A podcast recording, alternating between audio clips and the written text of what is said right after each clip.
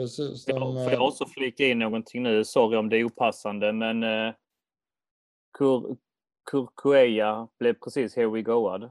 Är det sant?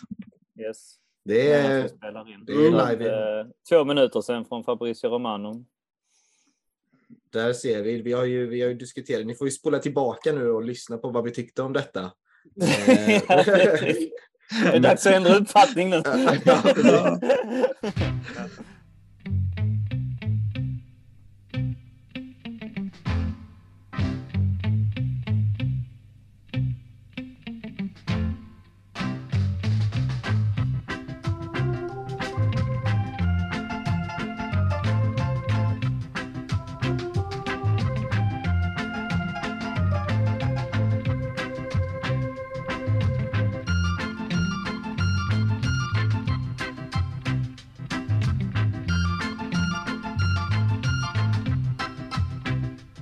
Hej blå vänner och välkomna till ett nytt avsnitt av CSS-podden.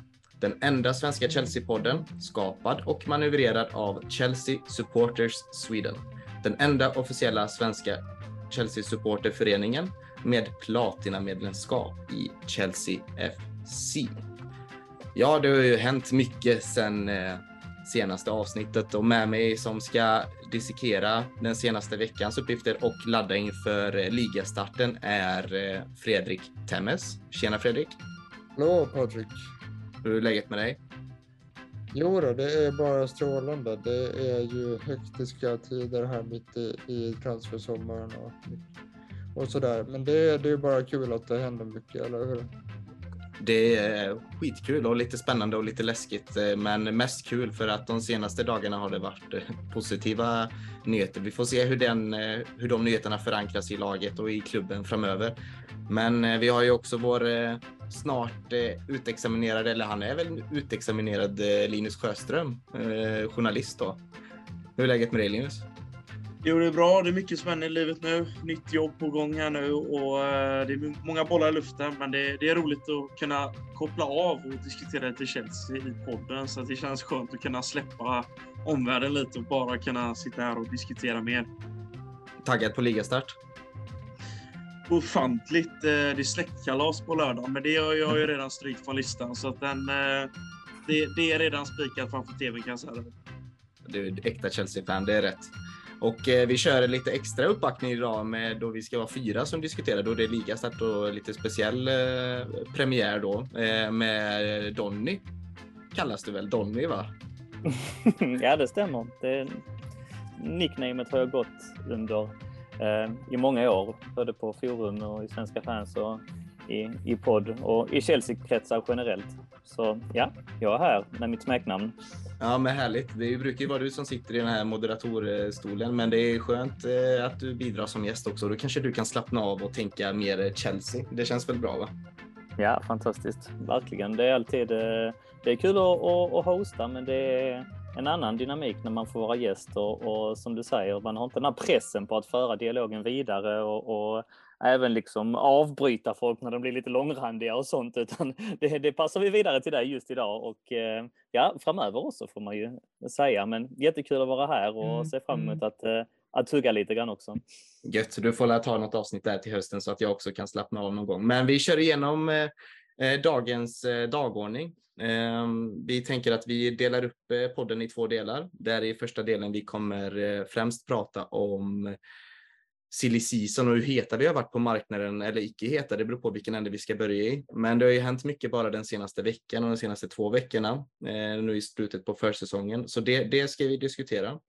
Eh, vi tänker också att vi gör en eh, liten djupdykning i Everton i eh, del två. Där eh, då det är den första matchen. Vi möter dem på Goodison Park lördag 18.30 och vi har ju eh, vår kära Lampard som tränare där och det, det hettar ju lite kring öronen eh, under Frank Lampard där på, på vårkvisten så vi får se om han håller ut hösten. Eh, och sen även i del två så kommer vi prata lite vad vi förväntar oss av eh, vårat lag Chelsea i, i ligastarten och kanske mot eh, de första tre, fyra omgångarna kanske vad vi vill se för, för lag och en förväntad elva inför Everton. Det låter väl bra va? Det låter som en plan. Gött, men då kickar vi igång introt där.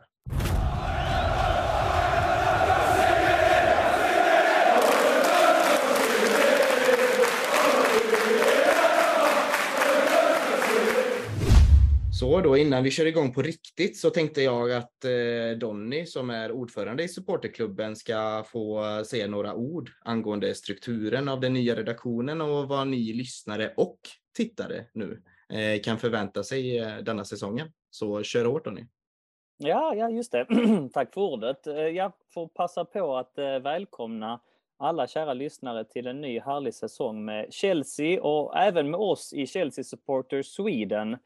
Eh, innan vi pratar podd och så vidare så vill jag faktiskt börja med att flagga för att medlemsregistreringen är öppen. Älskar du Chelsea och bor i Sverige så är det en självklarhet att du ska bli medlem i Chelsea Supporters Sweden, eller CSS som vi förkortas till.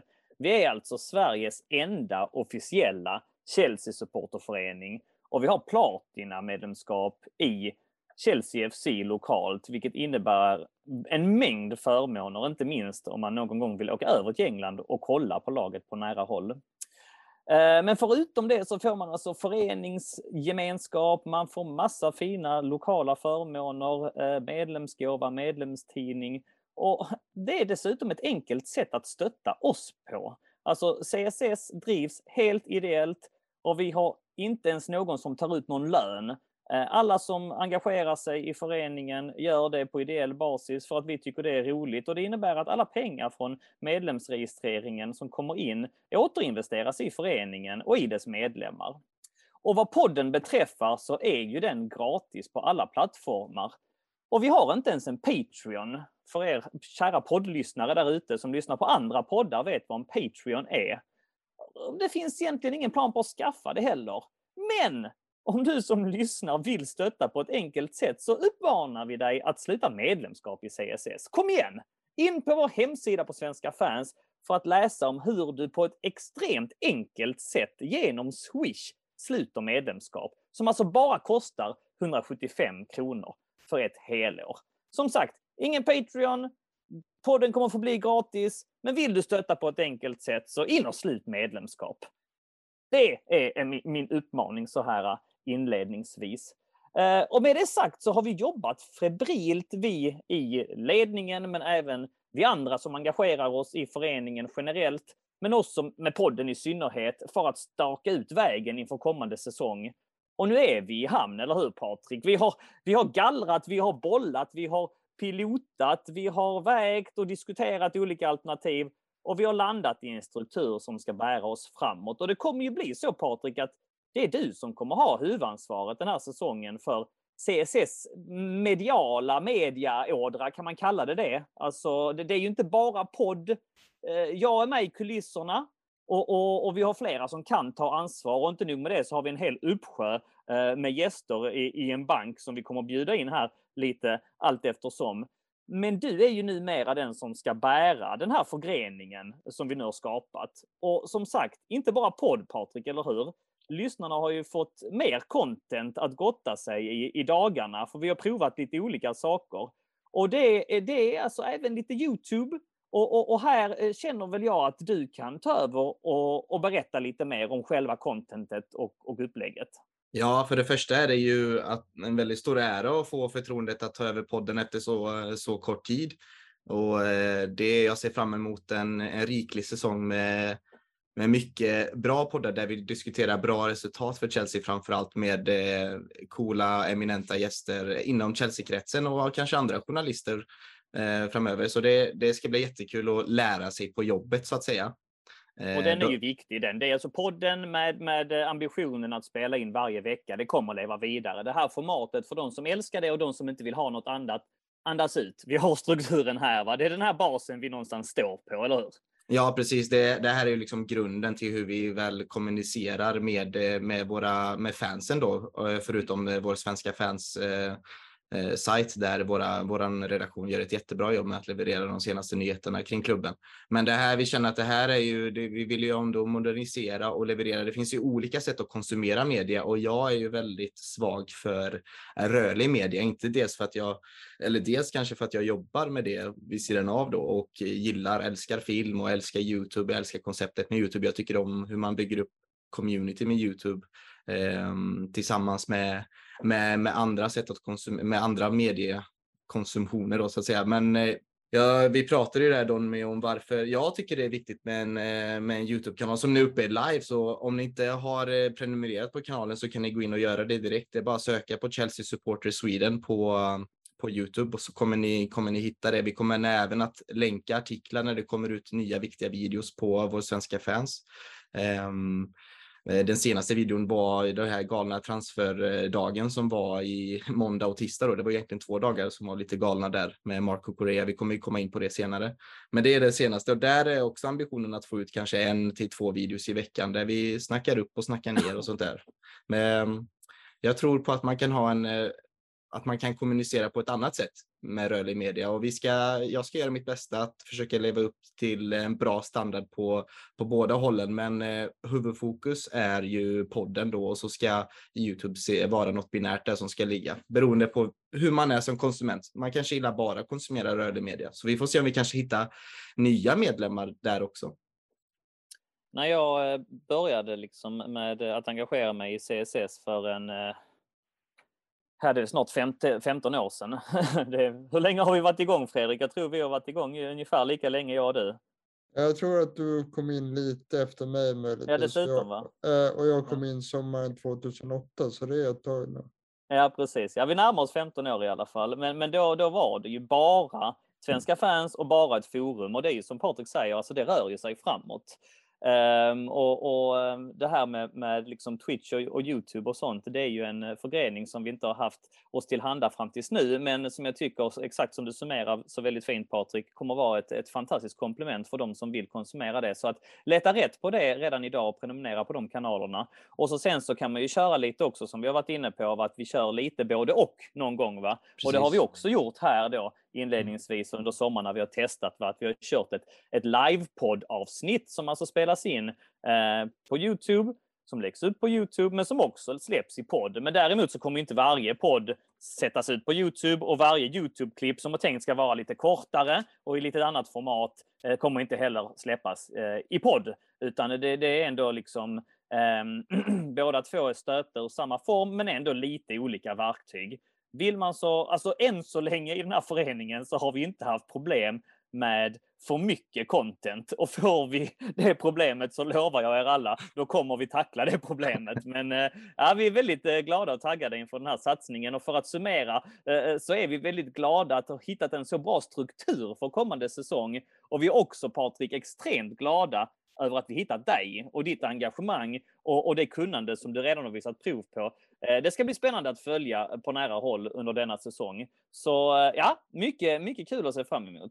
Ja, jag tackar eh, för förtroendet framför allt och det ska bli jättekul. Men nog om allt det där nu. Jag hoppas ni går in på Youtube och fortsätter lyssna på podden och är lika taggade för denna säsongen precis som vi är. Så jag tycker vi hoppar in i egentligen det första första ämnet här som vi hade tänkt att dissekera och det är ju, det är ju den här sillymarknaden då som jag flaggade för lite i mitt pilotavsnitt att jag var lite övertygad om att jag skulle bli galen över.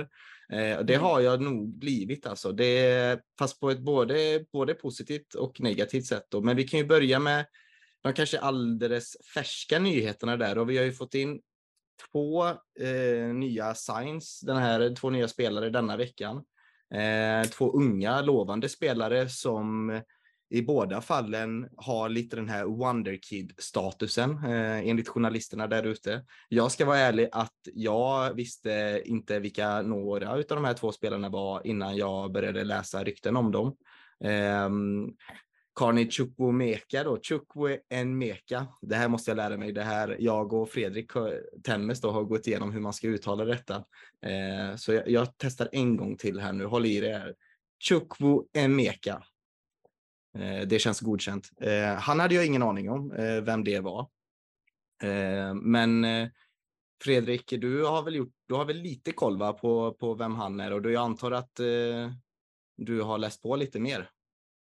Ja, eh, han blev då klar från Aston Villa för hela 20 miljoner pund eh, och det slog ner som en bomb då igår eh, tisdag kväll. Eh, Chelsea gick ut med, eh, med ett konstaterande att eh, man var överens eh, med Aston Villa om den här övergången och han ska ha rest till eh, London idag för att slutföra transfern. Eh, uh, Chukwuemeka är alltså en 18-årig engelsk supertalang. Han är en eh, box-to-box åtta kan man säga och, och kan, kan lite allt möjligt men är väl lite mer av en offensiv mittfältare. Eh, till spelstilen så liknar han eh, Ruben Loftus-Cheek ganska mycket faktiskt med sina eh, bolltransporter och sin fina teknik. Eh, om man ska om man ska jämföra med en gammal stor spelare så är han väl lite av Yahya Touré skulle jag säga. Han, eh, han gjorde 12 framträdanden i Aston Villa eh, i Premier League förra säsongen, så redan där så, så har man ju liksom testat honom på den högsta nivån. Jag såg väl inte alla matcher där han spelade, men de jag såg så imponerar han väldigt mycket. Eh, sen återstår det väl att se här huruvida han blir en del av truppen eller går på lån. Eh, det finns faktiskt uppgifter om att han är tänkt till A-truppen och om jag får säga vad jag tror själv så är det väl ganska rimligt för det är ju inte varje dag som man betalar hela 20 miljoner pund för en 18-åring. Utan då är det en stor investering och, och verkligen något speciellt. Så om vi bara kan flytta vidare lite andra innermittfältare så tror jag inte att det är helt omöjligt att han stannar kvar i truppen. Det ska sägas också att så vitt som jag förstår hade han bara ett år kvar på, på sitt kontrakt med, så 20 miljoner är ju mycket när det är bara ett år kvar för en 18-åring. Ja, precis. Vi kan ju säga det också att han har jagats av, av hela fotbolls-Europa Eh, kan man säga. Eh, däribland Barcelona då, så det känns ju skönt att vi äntligen vunnit en transferstrid där efter att ha gått, gått bet många gånger den här sommaren. Eh, det har pratats lite om Arsenal och Bayern München och Milan framförallt som, som hade lovat honom en, en väldigt stor eh, plats och roll i truppen. Eh, men det visar ju då att att eh, Chelsea som klubb fortfarande har eh, pull eh, för unga spelare och det sägs faktiskt att, att Thomas Tuchel spelade en av huvudrollerna i den här affären. Det har ju spekulerats lite fram och tillbaka huruvida Thomas Tuchel har varit oförmögen att locka till sig spelare men det här, det här är ju någonting som, som talar för honom och i rätt riktning kan man säga. Är det någon som har lite, lite koll på Chukwuemeka, Linus, eh, Donny? Är det, no eh, är det någonting ni har hört om den här killen som, som Fredrik inte har berättat för oss? Ja, om vi ska börja med det han har gjort senast som har varit stort eh, bland nyhetsvägar skulle jag nog vara eh, hans EM-guld där med U19. Där han var en spelare som verkligen var en av de bästa i laget och gjorde fantastiska prestationer. Där både han och Vail, från, som tillhör våra Chelsea gjorde det riktigt bra för England och var två frontfigurer i guldet. Och det var en spelare som stod för fina mål och viktiga mål för England, så det kändes som en spelare man tänkte att, eh, att han skulle bli även viktig för, även för Villa i år, att han skulle få chans. Och jag har även läst eh, på olika medier, runt om på Twitter bland annat, det florerat om att Villa var redo att ge honom ett större kontrakt och verkligen vilja satsa på honom. Och då kom den här från ingenstans egentligen. Det var ju en nyhet som eh, Romano, som jag läste Fabrizio Romano, som kom från ingenstans att han var mindre, mer, mer eller mindre klar för Chelsea. Så att, jag blev väldigt glad för att det är en spelare som jag fick upp ögonen lite förra säsongen tack vare att han fick chansen då Gerards valde att spela honom lite matcher. Och det känns som ett namn för eh, framtiden för Chelsea och definitivt en spelare som kan ta för sig på det innermittfältet i den offensiva delen framförallt. Donny? ja, nej, det, det mesta är sagt, men eh, alltså, när, när det kommer till spelare i England så kan man nästan alltid utgå ifrån att de är väldigt bra scoutade. Ja, vi kommer väl in på ehm, Kursurelja sen, men eh, även i viss mån får ju det även gälla för, för Fanava att de har ju haft få säsonger under den absoluta luppen. Men det här går ju inte riktigt hand i hand med då Carney Chukwuemma som återigen uttal svårt. Det kommer väl sätta sig. Det var väl samma sak när man lärde sig Aspilicueta för första gången. We just call men, men, ja, precis. Lite ja, så. Ja. Men när de kommer från, eh, från, det, äh, från, från, från England så kan man utgå ifrån i synnerhet en sån här spelare som har tagit alla stegen då, spelat U17, U18, äh, Eh, mycket U19, ehm, varit i Aston Villa sedan eh, 2016, även om han inte har varit liksom uppflyttad i, i A-truppen förrän förra säsongen så kan man utgå ifrån att det här inte är en chansning. Um, I övrigt så visst, inte på något sätt jätteprövad på den stora scenen. Ett litet frågetecken får ju sättas där. Vad han gjorde sin debut eh, i Premier League för ett år sedan i augusti Eh, 21 och han har bara spelat 13 matcher för Aston Villa. Eh, jag tycker för sin längd så är han lite tunn också. Han behöver med tiden sätta på sig lite muskler. Eh, han väger bara 70 kilo och är 1,85 lång så att eh, där innan man kan liksom eh, Jaja Yahya Touré-klassa honom så behöver han nog få upp med eh, minst 10 kilo muskler också. Men mycket spännande och som, som både Linus och Fredrik har varit inne på så eh, har han ju varit eh, eh, hett eftertraktad på marknaden och, och, roligt att locka till sig. Och det var ju faktiskt så Linus att eh, Fabrizio Romano ropade ut denna efter att FIF Stand-upen och efter att Chelsea Eh, FC.com gick ut med nyheten och då skrev han ju till och med very surprising skrev han. Han, var inte, han hade inte en sniff på den överhuvudtaget. Det här har Aston Villa skött jäkligt bra, även Chelsea då i viss mån för att det var inte någon som som såg denna komma. Lite kuriosa sådär också. Vi kan väl flika in det där också eh, när det gäller engelska talanger så tidigare idag så, eller tidigare, eh, vi tar om det där. Mm. Eh, man kan ju flika in det också när det gäller engelska supertalanger att eh, Chelsea tidigare under sommaren eh, värvade Omari Hutchinson från eh, Arsenals akademi som, som då också var i kontraktsamtal och även han är ju väldigt, väldigt högt skattad så det är verkligen en transferkupp av Chelsea där. Vi får se hur denna unga Wonderkiden kommer sätta sig i laget, om han kommer göra det, om han får speltid eller han lånas ut. Det ska bli spännande att se, men jag är precis som er väldigt eh, eh glad och imponerad lite av att klubben fortfarande kan locka till sig de här unga talangerna eh, och att vi bygger någonting och att vi inte bara köper klart. Så eh, det är jag glad över. Men vi har ju fått in en annan eh, liten talang här, eller liten talang. Han är ju rätt stor eh, och det är Gabriel Slonina. Ja, denna Gabriel, eh, Gabriel, Gabriel Slonina eh, är då klar för klubben och övergångssumman landade runt 12 miljoner pund eh, om man ska eh, lita på rapporterna, inklusive bonusar. Eh, han är 18 år eh, och lite trivia är väl att han har eh, hållit 10 nollor i MLS eh, denna säsongen. Men det är också en sån här ung wonderkid och the next big thing inom mm, målvaktsvärlden om man ska lita på sportjournalisterna. Eh, så. Men jag vet att eh, du Linus, du, du har grottat ner dig lite i Gabriel Slonina. Kan du berätta lite mer om honom? Ja, och jag har fattat det som att han kallas Gaga eh, som själva nickname då och eh, smeknamn. Och det är en målvakt som eh, är 194 cm lång. Så det är en eh, längre målvakt och det är ju aldrig fel i Premier League för det fysiska spelet, speciellt i de fasta situationerna, är det viktigt både av fysiken men också längden givetvis. Och han spelar ju i Chicago Fire. Och det är ju ett mittenlag i MLS så att det är mycket skott han får på sig. Så att hålla 10 nollor för ett mittenlag, det är bra. Det är bra eh, statistik och han har gjort det bra och givetvis är det ju någonting Chelsea har scoutat och jag känner spontant att detta är en värvning på sikt också som känns spännande. Det känns som att det är helt rätt värvning i helt rätt läge nu i början på den här nya eran. Att fånga in en målvakt, för bakom Mendy så känner jag att Kepa ryktas ju också iväg, så att en spelare som Slonina får lite speltid lite då och då, kanske i ligacupen till exempel, är perfekt.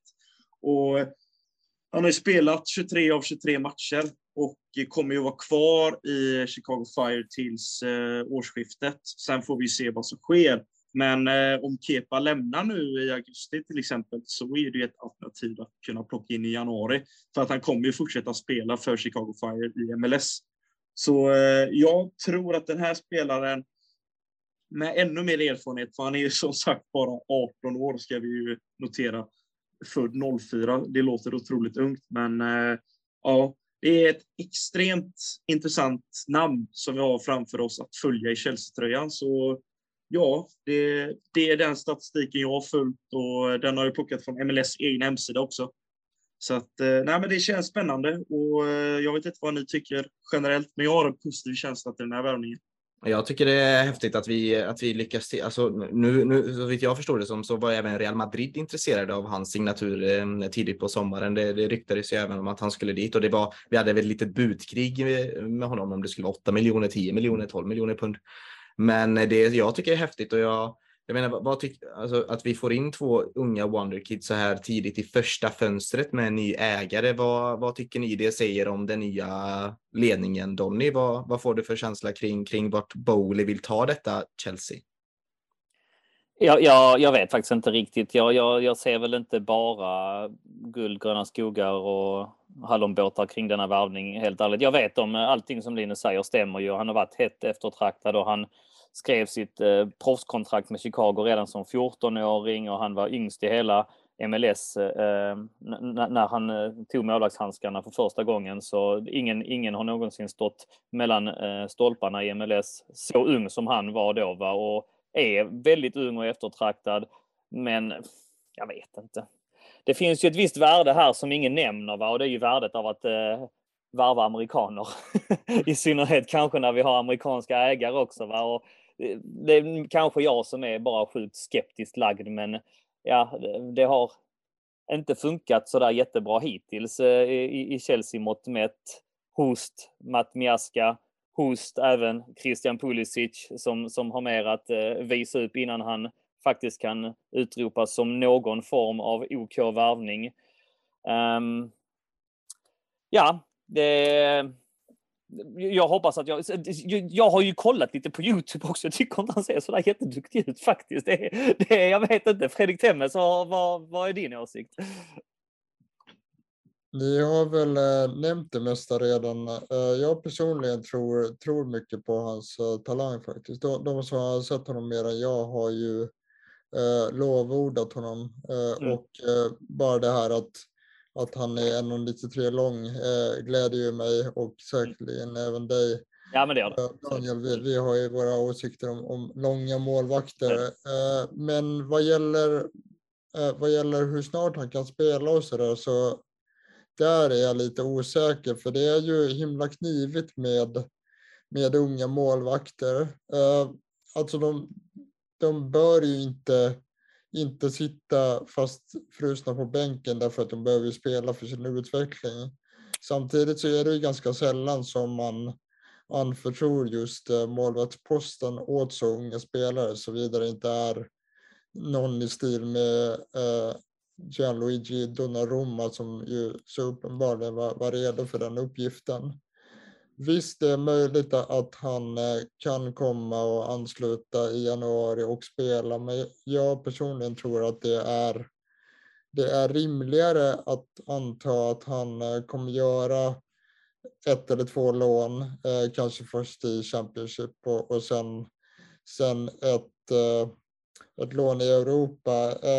Ett, un, ett annat undantag än Donnarumma är ju vår gamla eh, målvakt eh, Courtois, eller Ormen som jag föredrar att kalla honom, som, som ju gjorde två väldigt starka säsonger i Atletico eh, som ung spelare.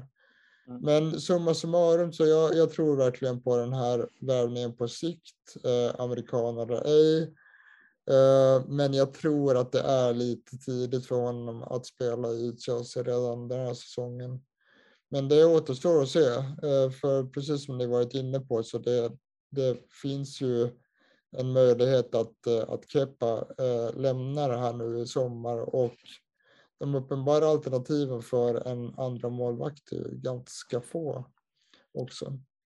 Vi får se om eh, Bowley fortsätter med det amerikanska spåret. Då kanske vi får in eh, Ted Lasso som eh, motivationscoach. Det hade jag gått med på i alla fall. Men Linus, vad, du, du räckte upp handen där. Vad, vad har du mer att säga om Gabriel Slonina?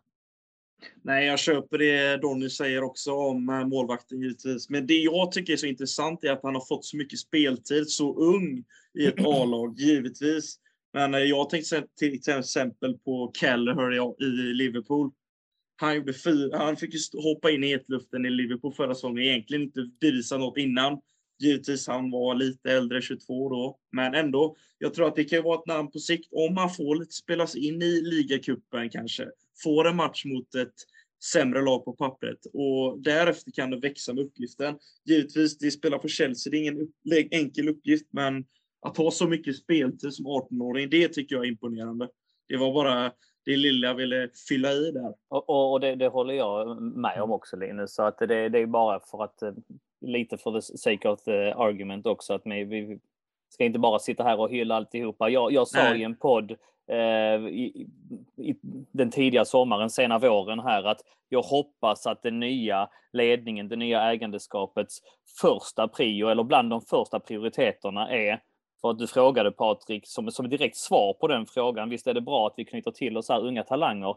Ja, men ännu bättre hade varit ifall vi nu hade gått in i den här säsongen med ett nytt kontrakt till Mason Mount och ett nytt kontrakt till Reece James. Det var det jag ville att de skulle sätta ner liksom foten kring och, och utstaka väldigt tidigt. En, en, annan grej som jag önskade mig var att Peter Käck skulle stanna kvar. Det har inte heller hänt va? Och, och, just nu så är vi liksom dagar från att Premier League ska börja och, och jag är inte helt Ja, det är klart man inte ska mm, sabla ner det nya ägandet, men jag hade hoppats att saker och ting hade utvecklat sig något annorlunda. Och det är vi många som är, va? utan att på något sätt ropa varken bu eller bä här och nu. För att, för att så, så, så naiva, glada eller dumma är vi inte. Men eh, i, i termer om att prioritera ungt så har vi en del ungtuppar här i, vårt, i, i våra egna led Eh, och vi har situationer som vi borde ha dragit lärdom av, där man liksom inte minst tittar på vad som hände med Rydiger och Christensen den här sommaren, som jag verkligen hade hoppats att vi skulle liksom, att där skulle fokus vara. Hade, hade vi haft eh, eh ett nytt femårskontrakt på Mount, ett nytt femårskontrakt på Reece James och även byggt upp med de här två ungdomarna så hade jag inte ens eh, vågat drömma om att yppa minsta lilla kritik. Nu finns det ändå en, en viss ådra av mig som tycker att det kanske inte är helt rätt eh, fokus. Mm. Nej, jag, jag kan verkligen hålla med där om eh, i alla fall att förlänga Mason Mount och Reece James. Och jag, jag, tror att vi är eh, jag tror ledningen har det. Det var nog kanske en av de första prioriteterna man hade, men jag tror spelarna kanske respekterar och förstår också situationen som klubben befinner sig i, att vi måste förstärka laget. Så jag tror de ja. väntar tålmodigt på, på sin tid och jag, de har väl fått en försäkran om att deras tid kommer. Ehm, sen eh, personligen från deras håll så tror jag de tänker väldigt mycket på att göra en, en väldigt bra höst nu på fotbollsplanen framför allt just för att det är ett VM som, som stundar. Jo, men så gör man det va och gör man en jättebra höst och det kommer eh, december så helt plötsligt så är det ett VM som stundar som du är inne på och helt plötsligt så har bara Mason Mount ett och ett halvt år kvar på sitt kontrakt. Alltså det går så snabbt och då hamnar vi i exakt samma cirkus igen. Va? Så att det, det är den eh, jag inte riktigt gillar. Nåväl, vi ska inte hänga upp oss för, för mycket på det. Det är klart, det, det är roligt att det händer lite grejer i alla fall och vi har fler eh, saker att beta av, eller hur? Ja, precis. Och det är, det, det är ju de, de som blir klara nu, men vi har ju några som eh, riktas ryktas på väg in och det, det eh, ryktas ut och allting. Och vi, vi kan väl ta ett litet helhetsgrepp kanske om vad det är som, vilka som är våra, in, våra ingoings och outgoings. Um, och vi, vi börjar med kanske det som är hetast just nu. Det är väl Mark Kukurea. Och jag lämnar frågan öppet, bara en ja nej fråga. Vill ni ha honom till klubben? Ja. Linus? Eh, ja, ja absolut. Eh, det är en spelare som gjorde otroligt bra för Brighton förra säsongen och har en bra vänsterfot och bra teknik och skulle absolut kunna platsa in i vårt lag. Det ser jag inga problem. Det var bara att det kom som en chock från ingenstans egentligen då jag inte sett några tidigare rykten om Kokoreja om vi backar bandet eh, någon vecka här. Så den kom lite plötsligt, men det hade ju varit kul på ett sätt att snuva City på en värvning också. För de har ju jagat honom ganska febrilt, men det har varit ganska lugnt där den senaste tiden. Donny, går du igång på Marco Correa? Alltså, spontant nej. Eh, nu blir jag den där griniga gubben här, alltså märkte jag i, i, i podden, men någon får väl axla den manteln. Eh, däremot så kan jag säga att jag har vänt lite grann de senaste dagarna, för nu har det ändå liksom riktats i en vecka-ish. Eh, och från min första spontana tanke, det tror jag nog var rätt många Chelsea-supportrar som kände, va? En vänsterback? Vi mm. har tre redan. Mm. Alltså, eh, det kän känslan är ju ändå att Emerson gjorde bra ifrån sig på lån i Frankrike, att Tuchel tycker om Emerson och att det kanske var Alonso som skulle, som skulle slussas ut. Men, men, men nu har vi Chilwell som i alla fall jag tycker är en av världens bästa vänsterbackar som är skadefri och som nästan ses som ett nyförvärv inför, inför denna säsong. Eh, och, och, som ändå måste liksom vara lite självskriven på den positionen. Därefter har vi två backup. Vad ska vi med en till vänsterback till? Men sen så börjar man läsa lite mer och så börjar man liksom ta in information från folk som kan eh, mer om detta än vad man själv kan. Och så märker man att han inte är, han är ju inte bara vänsterback utan han har ju spelat eh, i, i eh, en, en, en trebackslinje som central eh, back får man väl kalla det, lite central vänsterback sådär. Men inte slikat en kant endast. Och, och, och, just det faktum att Manchester City har jagat honom, eh, säga vad man vill om Pep, men han är rätt bra på att scouta spelare. Och eh, eh, däremot så eh, känslan är ju här att man inte blir snuvade för att eh, City brukar hålla sig vid sina värderingar. Om, om det, det, går över en viss värdering så är de inte med längre och de kommer inte tillbaka. Och det har vi sett med Maguire och, och eh, Sanchez tidigare exempelvis. Eh, däremot så släppte man dem och de har väl inte direkt rosat marknaden i, i, i sina eh, i de klubbarna de hamnade i, det vill säga Manchester United, så får vi väl hoppas att eh, Kukurea eh, går, en annan, går ett annat öde till, till mötet. Men återigen, orostecken. Jag gillar inte riktigt när spelare har gjort en bra säsong. Eh, jag vet inte hur bra scoutad han är liksom långt bak. Va? Vi vet om att han är Barcelona-fostrad, men vi vet om att han kom till Brighton förra säsongen och han gjorde förvisso en fantastisk säsong. Han blev vald till årets spelare av spelarna själva. Han blev vald till årets spelare av fansen i, i Brighton då. Va? Och, och allt man ser på Youtube lovar ju väldigt, väldigt gott. Va? Men jag, så jag, jag, bör, jag började fatta det på ett annat sätt, men, men det var inte där jag hade hoppats återigen att fokus skulle ligga på, på en vänster slash, slash innerback, utan jag hade hellre sett att man eh, hade, hade tänkt i, i lite andra banor. Men kommer han så välkomnar jag honom och, och det, det, det är förmodligen en förbaskat bra eh, spelare, i alla fall baserat på den, den säsongen han har gjort. Jag tror inte det är en värvning som kommer splittra supportrarna, men jag tror absolut att det kommer eh, föras mycket diskussioner, precis så likt som vi har idag. Men eh, Fredrik, vad har dina tankar? Eh, nu är det ganska många punkter som jag vill opponera mig på som uh, Donny precis var inne på här. Uh, jag håller inte med om, om mycket det du sa, uh, av det du sa tyvärr, min vän.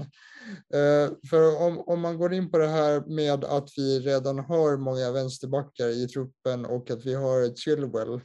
Ja, det stämmer. Vi har ju, vi har ju fyra, fyra vänsterbackar i truppen redan och vi har Chilwell som, precis som du var inne på, liksom är, är en vänsterback i världsklass. Men jag, jag skulle göra den här värvningen av, av två anledningar utöver att han är väldigt bra. Och det är för det första att eh, vi vet inte exakt i vilket skick som eh, Chilwell kommer att komma tillbaka i. Han hade ju den här tunga skadan och återstår väl att se eh, om han kan nå samma höjder som förra säsongen.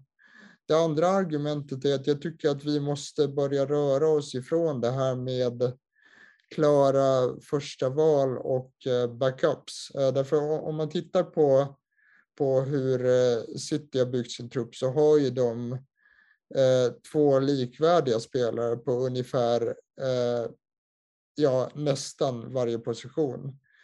För vår del, och det märkte vi förra säsongen, att så fort vårt första alternativ går sönder så blir drop-offen ganska hög eh, när man går ner på eh, Marcos Alonso till exempel. Så jag tycker det är bra att vi, att vi har två likvärdiga spelare som då kommer pusha varandra till att bli bättre och liksom se till att, eh, att eh, man har olika alternativ. Eh, precis som du var inne på så är han ju en ganska mångsidig spelare. Han är inte bara vänsterback eller eh, vänster wingback. Han är ju även även eh, vänster mittback och skulle även kunna spela längre fram. Så det är mycket möjligt att han och Chilwell kan spela samtidigt. Kvalitetsmässigt så tyckte jag att han kanske var topp tre eh, vänsterbackar förra säsongen. Och sen det här att han, eh, eh, hur länge man har scoutat honom sådär. Man, man ska ju komma ihåg i det här sammanhanget att uh, Kukureya var ju med i diskussionen redan när vi värvade Chilwell uh, under Lampard, men vi, vi valde då att gå på Chilwell och det följer väldigt väl ut. Men uh, jag är väldigt mycket för den här värvningen av de anledningar som jag precis nämnde. Det måste jag säga att jag också är faktiskt. Och jag tycker kanske de bästa matcherna han gjorde i Brighton-tröjan förra säsongen var när han spelade eh, vänster inneback. Då. Då, då, då. tyckte jag att han, han gjorde det ett helvete för oss, vet jag, när han mötte när han mötte oss. Och jag minns, eh, jag, jag fick upp ögonen för han eh, kanske någon gång i vintras där när jag tänkte, ja men nu vill jag kolla Brighton, inte bara för svensk intresset med Potter då, utan mest för att jag ville kolla på Kokorea och det, och det säger rätt mycket att, en, att jag då som fotbollsfan vill kolla på en fotbollsmatch på grund av en vänsterback. Då betyder det att han är, han är speciell. Sen kan han ju ha haft en sån där magisk säsong också, men när man kollar tillbaka på statistik och kollar även på hur han var spanjorer sa om hans insatser i, i Getafe så, så är han ju omtyckt eh, där också på den iberiska halvön. Så nej, jag är väldigt för den här värvningen och framför allt kanske för att vi kan då äntligen kanske släppa Alonso. Eh, även fast jag är väldigt svag för Alonsos vänsterfot och hans eh, mål han brukar göra mot, eh, mot Spurs. Så förlåt, jag ska inte svära mer. Men eh, ja, det, det är väl det som att han kanske åker iväg då till Barcelona det kan ju öppnas en öppning där ifall Kokorea kommer in. Plus, Thiago Silva blir inte yngre. Eh, Koulibaly kanske ska ta den inneback, den libero-positionen i, i trebackslinjen. Eh, och kanske låta Kokorea spela där på vänster inneback då. Eh, så vad, vad, vad, vad, tror du Linus om, om Kokorea? Ja, alltså jag håller med både och. Eh, Daniel han säger som vi var inne på det, en säsong som varit riktigt bra. Eh, kan man luta sig helt på det? Nej, inte riktigt, men eh, en säsong i Premier League får man ju lägga till. Va? Ja, det är det. Så vi har ju sett väldigt många komma från andra ligor och sen när de liksom mäter sig i Premier League. Så att det, det är där va? den engelska ligan. Jag tror att man kan scouta bättre när man har följt dem hela vägen i England. Va? För att det är skillnad på ligor och ligor. Det är väl mest det eh, argumentet som man vill bygga upp med att det är ju en bra säsong i Premier League han har haft. Va? Och det, det behöver inte betyda sådär jättemycket. Mm. Egentligen. Nej. Nej, och jag, av ren slump så har jag även sett han i La Liga vid några tillfällen när han var i Getafe senast här nu där han även mot de bättre lagen också tog för sig otroligt mycket och Getafe gjorde det bra i La Liga. Måste man ju även eh, poängtera. Så han var en av de spelarna som verkligen var framåt.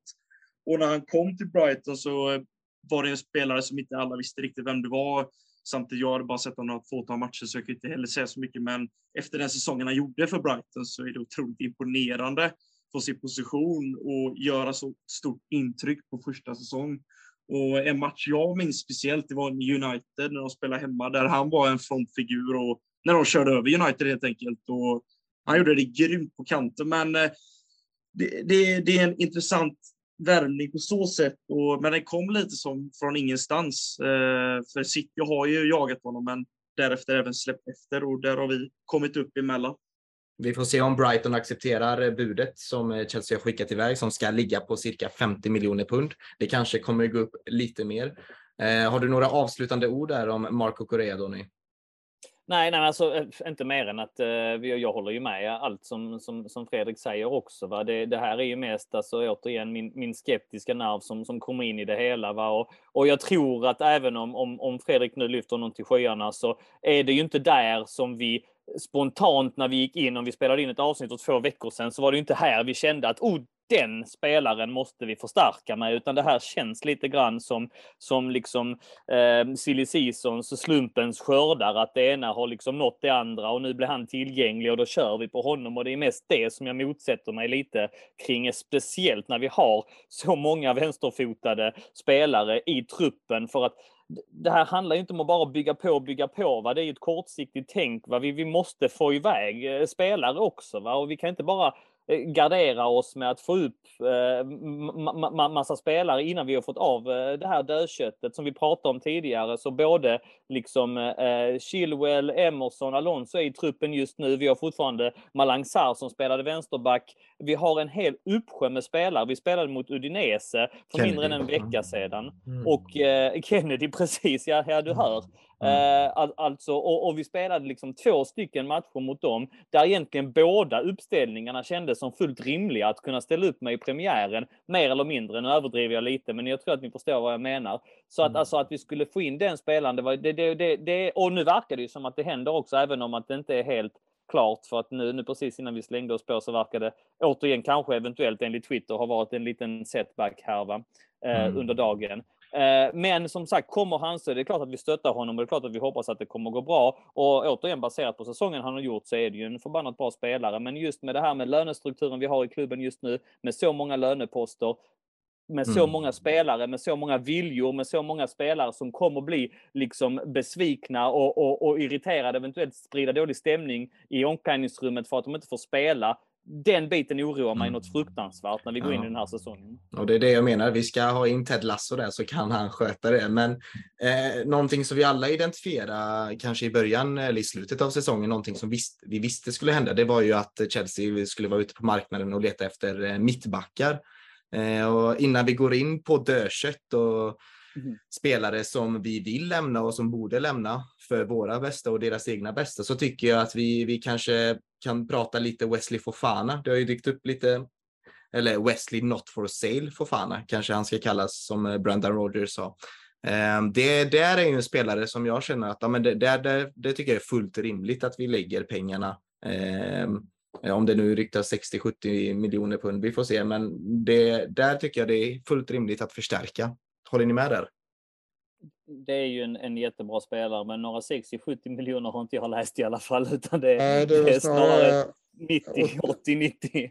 Ja. 80-85. Jag, jag, tror ja. att uh, det, det, ska krävas uh, eh, 70 miljoner pund för att ens börja diskutera. För mig. Luktar nog en miljard nästan. Då, mm, mm. Nej, och, och, och, alltså, men här vet vi ju om att det här är ju en av, en av det kanske man kunde argumentera om Kukureya också, men, men Fofana, eh, han, han är eh, näst, the, the, next big thing. Han har man pratat om i de termerna rätt så länge och, och han har ändå varit lite mer beprövad alltså för att han har ändå varit i Leicester i två säsonger och eh, bra ålder, inte ens 22 år fyllda och, och extremt brytningssäker, snabb, eh, ja, lång, eh, rörlig, eh, tung, allt, alltså teknisk, allt, eh, bollskicklig. Men den är inte, jag bedömer den som ganska så osannolik. Dels för att Leicester har inte varvat en enda spelare eh, och vi är bara dagar ifrån säsongstart. Och, och, dels för att James Madison verkar vara väldigt nära Newcastle och man kommer inte sälja både James Madison och Fofana oavsett eh, liksom var man, man hostar upp. Um, mm. Ja, mm. Jag behöver inte bli mer långrandig än så, men det, den, är, den är jag skeptisk till. Nej, jag ska rätta mig där. Precis, det var 85 miljoner pund det, det, det ryktas mm. om. Precis. Men David, enligt David Orstein då så ska det ju ändå så, spelaren vara öppen för en flytt. Men oh ja, det... han har pikat jättemycket det här bara liksom sista dygnet och tagit bort Leicester från sin... Ja, precis, alltså så som folk gör just nu va, för att skicka ut budskap. Att tagit bort dem från sin profil på Instagram och, och eh, han gillade något London is Blue-podd eh, som, som London is Blue då twittrade ut, va? där han var nämnd och sånt där. Mm. Precis, och eh. han, han delade dessutom i sin uh, Instagram story en bild uh, gjord av den amerikanske Chelsea-profilen Alex Goldberg också. Ja, han gestaltas liksom med en tankebubbla i huvudet och sådär och sen så var han ute med lite kryptiska budskap och sådär. Så jag, jag, tror, jag tror ju att uh, Fofana själv väldigt gärna vill, vill flytta. Men, men alltså det är ju väldigt mycket pengar och jag gör gärna den investeringen. Men det, det, det är alla möjliga rykten nu och jag tror att någon måste nog strykas här. Mm. Uh, jag, jag, vill bara lägga till en grej som, som gör många oroliga och det är det här att han har eh, han har åkt på knäskador och framförallt ett benbrott förra säsongen. Det. Det, det, det man kan säga om det är att eh, benbrottet i sig var ett ganska clean break, alltså benet gick, gick av rakt liksom. Så det var, nu, nu, är jag ingen, nu är jag ingen läkare, men, men så vitt jag förstår så, så ska ett sådant benbrott inte vara så himla svårläkt och med tanke på att han är Eh, 21 år gammal så tror jag att eh, det finns stora chanser till att han gör en eh, att han återhämtar sig fullständigt. Så jag, jag är inte särskilt orolig av den anledningen i alla fall. Och precis som ni, ni, ni varit inne på redan så är han ju verkligen en, en fenomenal spelare på alla sätt. Eh, Linus, jag, jag riktar mot dig här nu. Vad, tror du för det första att dealen kommer gå igenom? Eh, och för det andra, om den går igenom, vad, vad tror, du, tror du att han skulle... Är han Chelsea-klass liksom? Ja, först och främst vill jag bara säga att jag fick lite gåshud när Daniel öppnade till Öland. Det var ju var känsla. Jag har fortfarande semester. Ja, en vecka till. Du, du ska nju fortsätt njut. Jag tyckte bara ja. det lät så gött. Ja, det är Lillåren dessutom. Exakt. Uh, nej, men uh, för fan, det har varit en, uh, det har varit en bra värvning. Nu har varit positivt varje spelare vi har pratat om hittills. Det känns lite jobbigt, men mm. jag tycker... Tur ni har mig som går in här och väger upp. nej, men, men det, det känns lite för långt ifrån. det är en spelare som det kommer bli en stor summa pengar för precis nu läste jag att Schmeichel även lämnat Ja. Så att det, han, är klar, han är klar för Nice. Uh, så att de tappar en och efter en och Madison ryktas ju till Newcastle. Så den känns väldigt svår på förhand. Och ska vi punga upp de pengarna så kommer det bli en väldigt hög summa. Och då blir det det här direkt att då kan han inte göra en dålig match för då börjar det kan vända snabbt. Uh, och jag tror tyvärr inte att det kommer bli av, men det är en bra spelare trots den skadan han åkte på så märker man hur viktig han är för Leicesters försvar. För när han var borta så hade de problem där bak. Så ja, nej, den blir tyvärr inte av i mina ögon. Bra, då rör vi oss vidare. Jag hade gärna velat se honom och jag tror inte heller då, som precis som er, att det kommer gå. Men de är duktiga på att scouta där borta i Leicester och de är duktiga på att hitta små juveler. Eh, så hade de kanske eh, sett att någon ska kunna jaga Fofana tidigt in på, på fönstret så kanske man hade säkrat upp redan. Nu kanske det är lite för sent för det eh, och då kanske man inte är redo att släppa honom. Men eh, precis som Donny så tror jag också att släpper man Madison eh, detta fönstret så blir det nog svårt. Men vi får se också om Newcastle lyckas ro hem den dealen. Men vi har ju pratat dödkött och mycket, mycket, många spelare som sitter på höga löner och när jag, när jag tänker Chelsea, spelare, höga löner, dödkött, när jag sätter ihop de fyra, fyra tankarna i en, en spelare, då får jag ju Timo Werner. Mm. Um, nu är han väldigt ung för att vara dödkött, men uh, han spelar väl uh, inte så livligt kanske. Uh, men det ryktas ju om att han ska till Leipzig och det kändes där ett tag i helgen att det skulle mer eller mindre vara, vara klart där. Men jag tror det här, de här ryktena som har dykt upp med att eh, Tuchel har varit sugen på um, kroaten, den 20-årige kroaten Guardiol och att Chelsea vill eh, lyckas eh, kanske med någon slags bytesaffär då med Werner och Guardiol, att det kanske har sagt lite käppar i hjulet, men eh, är de oberoende av varandra de där de spelarna? Eller tror ni att, eh, att eh, Leipzig får både Guardiol och Werner in i en startelva nästa till hösten? Eller för det första, tror ni... Ja. Det har ju kommit lite nya uppgifter om eh, Werner-övergången idag. Eh, och det är då att eh, enligt Bildt så vill eh, Chelsea ha 33 miljoner euro för honom. Leipzig föredrar ett, ett lån och Werner skulle i så fall gå ner i lön enligt den här profilerade Bildt-journalisten Christian Falk som är ute och svingar på på Twitter. Eh, det sägs ju sedan tidigare att, eh, att Leipzig inte är intresserade av någon bytesaffär med eh, Guardiol utan skulle den dealen mot förmodan ske så vill de ha straight cash. Det man kan säga om Guardiol också är, är ju att Tuchel enligt vissa uppgifter har har pratat i telefon med honom i, i veckan här. Men jag, eh, jag har personligen eh, svårt att eh, se att vi får honom den här säsongen. Eh, Werner tror jag däremot kommer bli av eh, på ett eller annat sätt. Jag, jag skulle väldigt gärna ta, eh, ta de här 33 miljoner euro därför att eh, förvisso så får vi inte tillbaka alla pengar som vi som vi spenderade på honom. Men jag tycker generellt att det är alldeles för mycket lån som diskuteras. Vi måste ha lite hard cash in i klubben nu om vi ska driva den här, den här sunda hushållningen med eh, ekonomi som eh, ju sägs vara en av Bowley Clear Lakes eh, målbilder. Så jag, jag ser gärna en, en försäljning rakt av här och nu. Men jag, jag tror tyvärr att, att, det, att det slutar i ett lån, i ett lån uh, at the end of the day. Uh, Donny, det är alltså, ju... Donny, jag måste ja. fråga dig. Det är någonting som talar för att vi kommer bli av med en del dödkött. Det är ju framförallt någonting som aldrig har hänt innan i fotbollsvärlden och det är att VM spelas till vintern och att vi får ett helt transferfönster här nu där spelare vill slåss för sina för startplatser i, i en startvälva i sina, i sina i sina lag, då, i sina landslag. Så det är ju någonting nytt och jag, jag tror väl att Werner också tänker väl på VM och jag tror det är många spelare som tänker på VM. Eh, att de vill spela mycket fotboll och det talar väl ändå för att vi kan bli av med en del, med en del dödkött.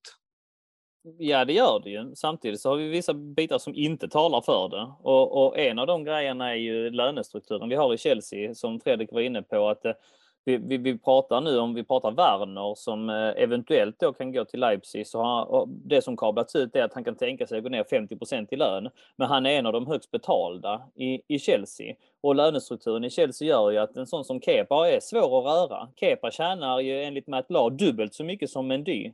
Och då, då kan man bara tänka sig att det är kanske en ja, 300 000 pund i veckan eller någonting. Det, det är helt omatchbart för de andra ligorna. Och dessutom, någonting som retar mig är att det som kablas ut här kring varenda rykte som kommer fram på utkontot är att ja, men han kan tänkas gå om Tuchel hittar en ersättare. Alltså till, det, det, var ju till och med ett rykte om Malang Sarr. Han är nästan klar för Monaco. Eh, innan dess var han nästan klar för någon annan klubb. Men, men först ska man hitta en ersättare. Varför ska man det? Det är väl ingenting att hitta en ersättare för? Och samma rykte här nu att nej, men, men Tuchel vill hitta en ersättare för Werner innan han låter honom gå. Varför? Skicka iväg det. Alltså det, det, vi, vi, har för många spelare, återigen. Och, och, och, Fredrik pratade om det otroliga att eventuellt göra en bytesaffär med den här Guardiol. Låt mig flika in två grejer där. För det första är Guardiol eventuellt ännu mer eftertraktad än, än, än Fofana. Alltså han, han är, eh, har blivit hyllad som the next big thing väldigt länge och, och extremt lovordad back. Eh, så någon bytesaffär tror jag inte. Och för det andra så lyssnade jag på en podd med Matt Law idag som just förklarade problematiken kring bytesaffärer och, och, varför man inte gör det nu för tiden. Det är inte helt lätt att bara byta spelare. För det första så vill inga agenter det, va? för att de går miste om, om agents fee. För det andra så finns det rent skattetekniska bitar involverat som gör det också eh, svårlöst. Um, med allt detta sagt så, så i samma podd så viftade Matt La för att Chelsea är på väg att värva in en anfallare till. Han hade till och med ett namn som han sa att han inte, skulle, inte kunde nämna. Men om den kommer in då är det lättare att röra på Werner tydligen. Men än så länge för mycket hinder för att han ska vara ett, ett, ett fönster där, där saker och ting går, går smort alltså. Ja, det är ju många rykten nu som, är, eh, som florerar ute på, på Twitter och på andra medier och sådär det är ju vissa sjuka namn då som Frenkie de Jong som jag kanske bara blir så här nej, nej, nej, nej, nej. Men det värsta denna sommaren har ju hittills varit Cristiano Ronaldo för mig och det hörde ni i den förra podden om vad jag tyckte om det. Men eh, Temmes, du har ju lite, eller du har ju stenkoll på alla de här ryktena. Kan du gå igenom dem lite fort och så med det så stänger vi del ett?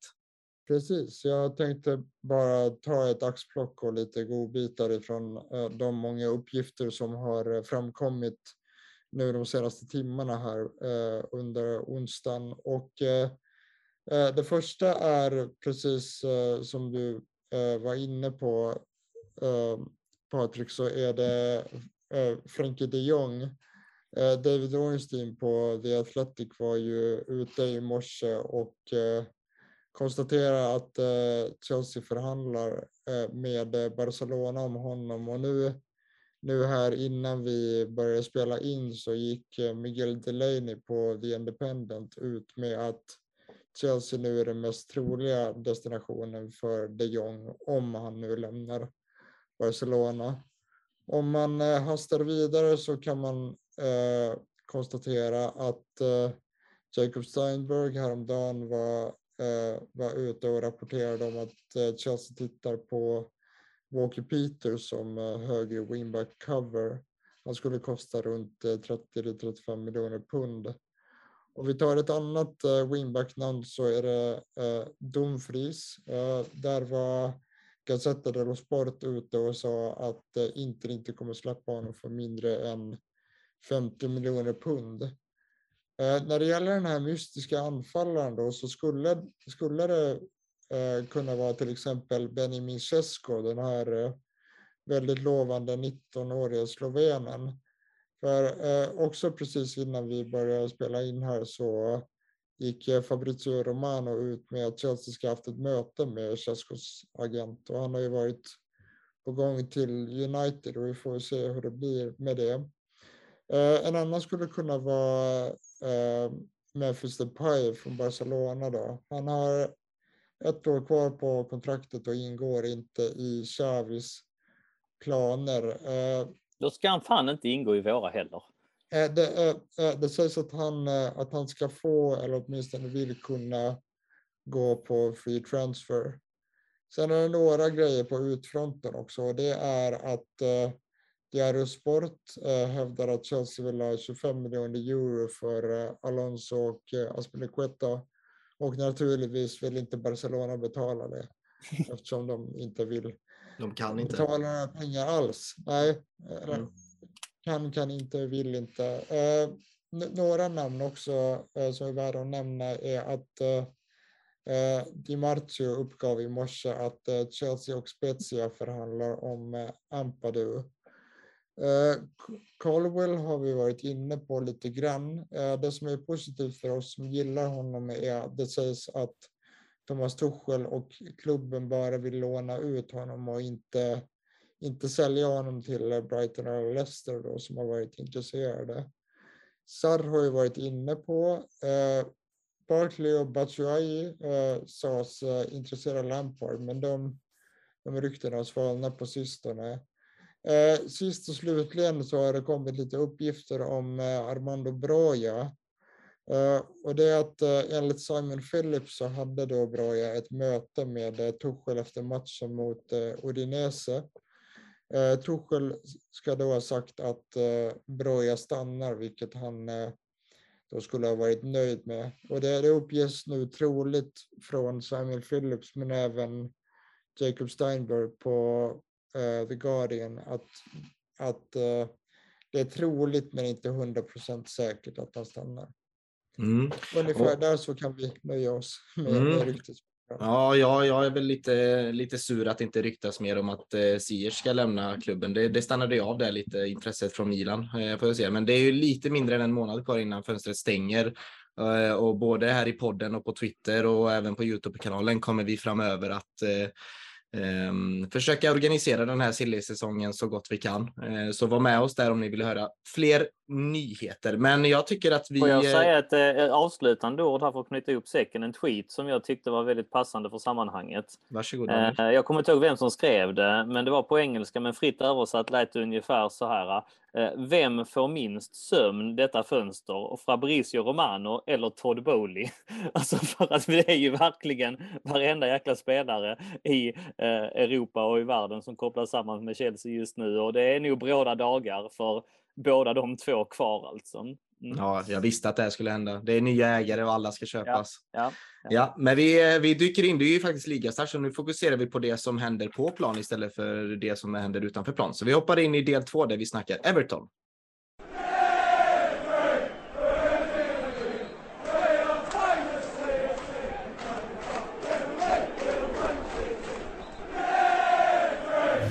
Ja, då har vi vår eh, premiärmatch nu på lördag 18.30 spelas den. Den spelas på Goodison Park ehm, och vi möter alltså Everton. Ehm, Everton har väl haft en intressant sommar efter en ganska dålig säsong förra säsongen. De var ju nära på att åka ut. Eh, vår kära Lampard, vet inte om han räddade kvar dem, men eh, vi kan väl säga att han gjorde det. Ehm, ja, vad är status Everton här nu? Eh, vanligtvis brukar man säga premiärmatch mot Everton på Goodison Park. Det har ju ofta känts eh, läskigt och det har ofta känts som att fan, vi har alltid haft det svårt att vinna där och alltså, statistiken visar ju på det att vi brukar ha svårt att vinna där, men nu känns det lite mer eh, avslappnat att börja med Everton. Eh, har jag satt dem i fel, i fel ordning i Premier League-tabellen redan från början eller borde jag kanske ha lite mer respekt för dem? Ja, jag tycker väl att du borde ha lite mer respekt för dem. Eh, precis som du var inne på så eh, har vi inte vunnit på, på Goodison Park på, på väldigt länge. Vi har faktiskt eh, förlorat eh, fyra raka matcher och eh, har inte vunnit där sedan eh, 2017. Eh, så vi har ju väldigt dålig statistik mot, mot Everton. Eh, sett till deras trupp så tycker jag väl att, att den inte förtjänar fullt lika mycket respekt. Eh, de har ju, de har ju tappat Richarlison och det blir ett väldigt ett väldigt tapp för dem, är jag helt säker på. Men jag tänker om vi ska backa bandet och prata lite Lampard och förra säsongen lite kort. Eh, Lampard kom ju då in den 31 januari för att ta över efter eh, Rafael Benitez eh, som ju hade en fruktansvärd period med dem. Eh, de låg då på 16 plats och eh, i alla fall jag var personligen inte säker på att han var rätt man för en nedflyttningsstrid.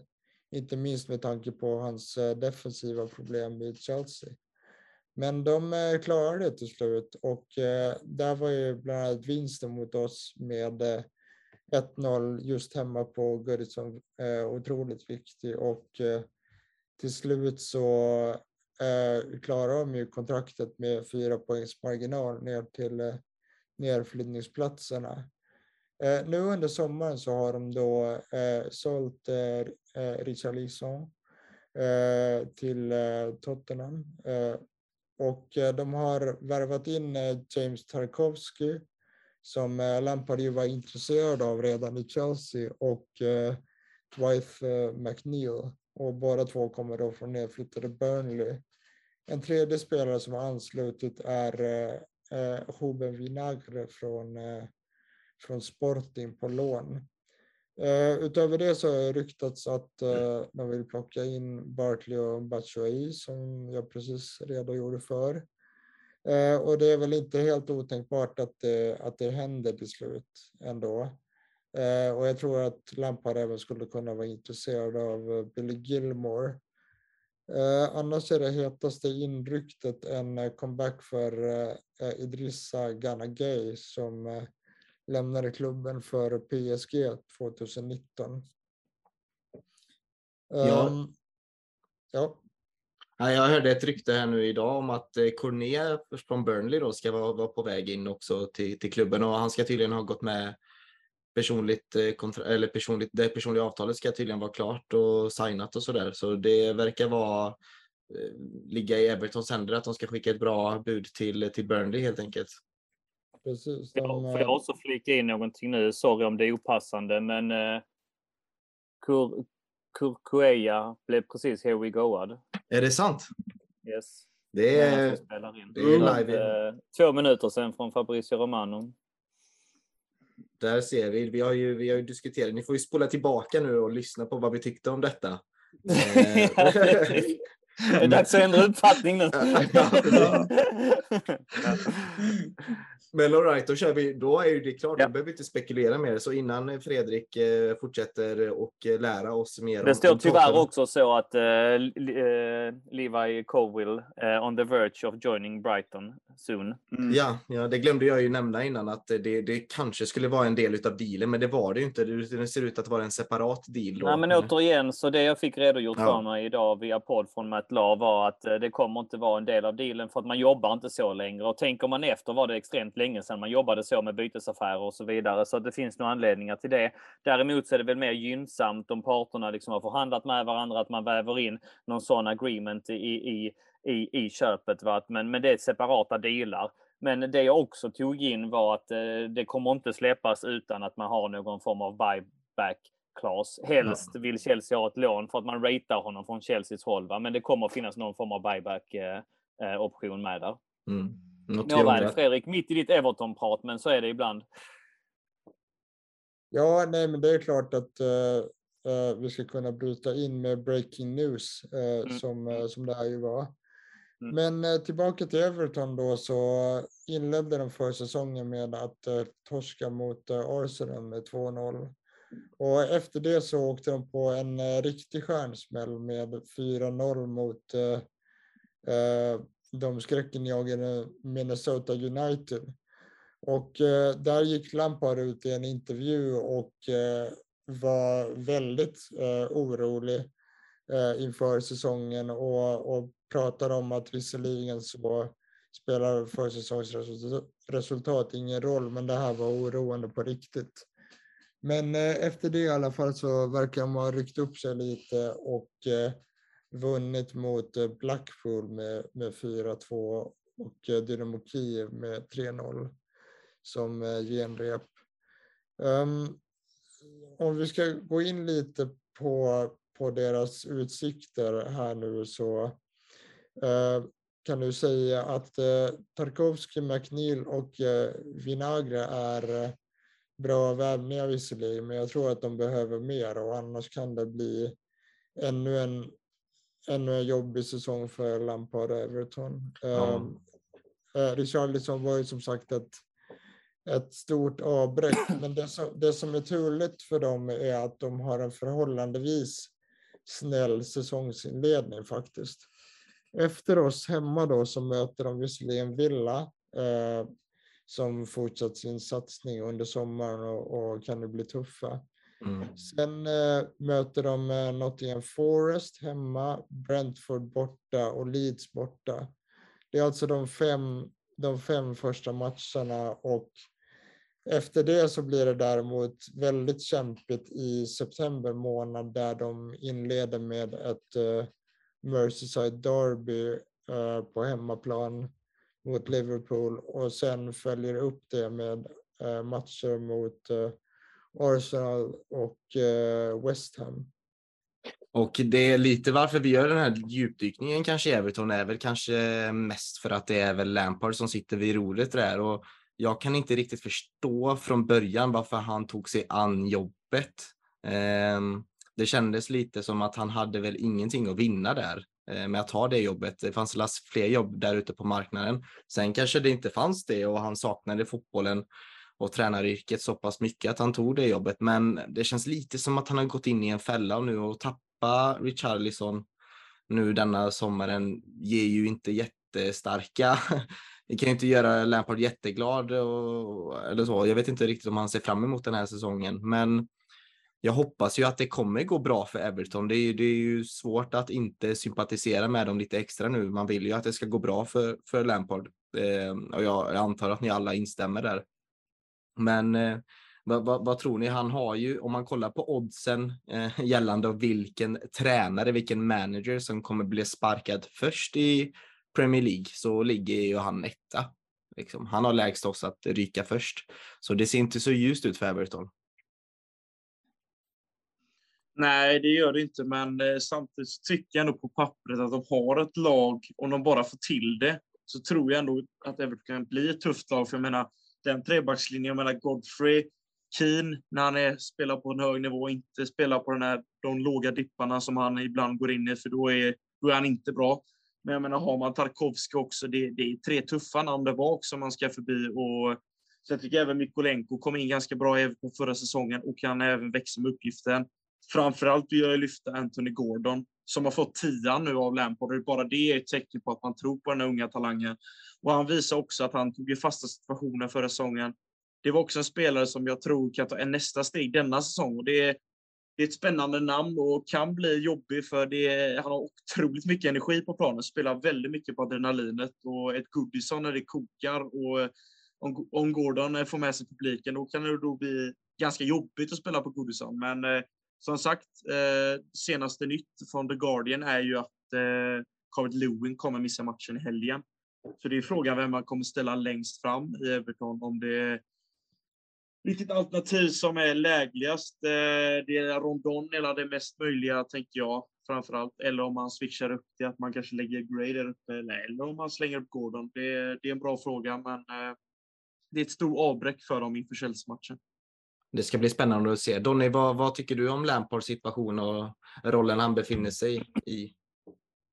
Jag tror att Lampard i grunden är en bra tränare. Jag tror att han... Eh, man kan kanske jämföra honom lite grann med Klopp som motivator, som engagerad tränare, som omtyckt i omklädningsrummet så tror jag att, eh, att han är bra.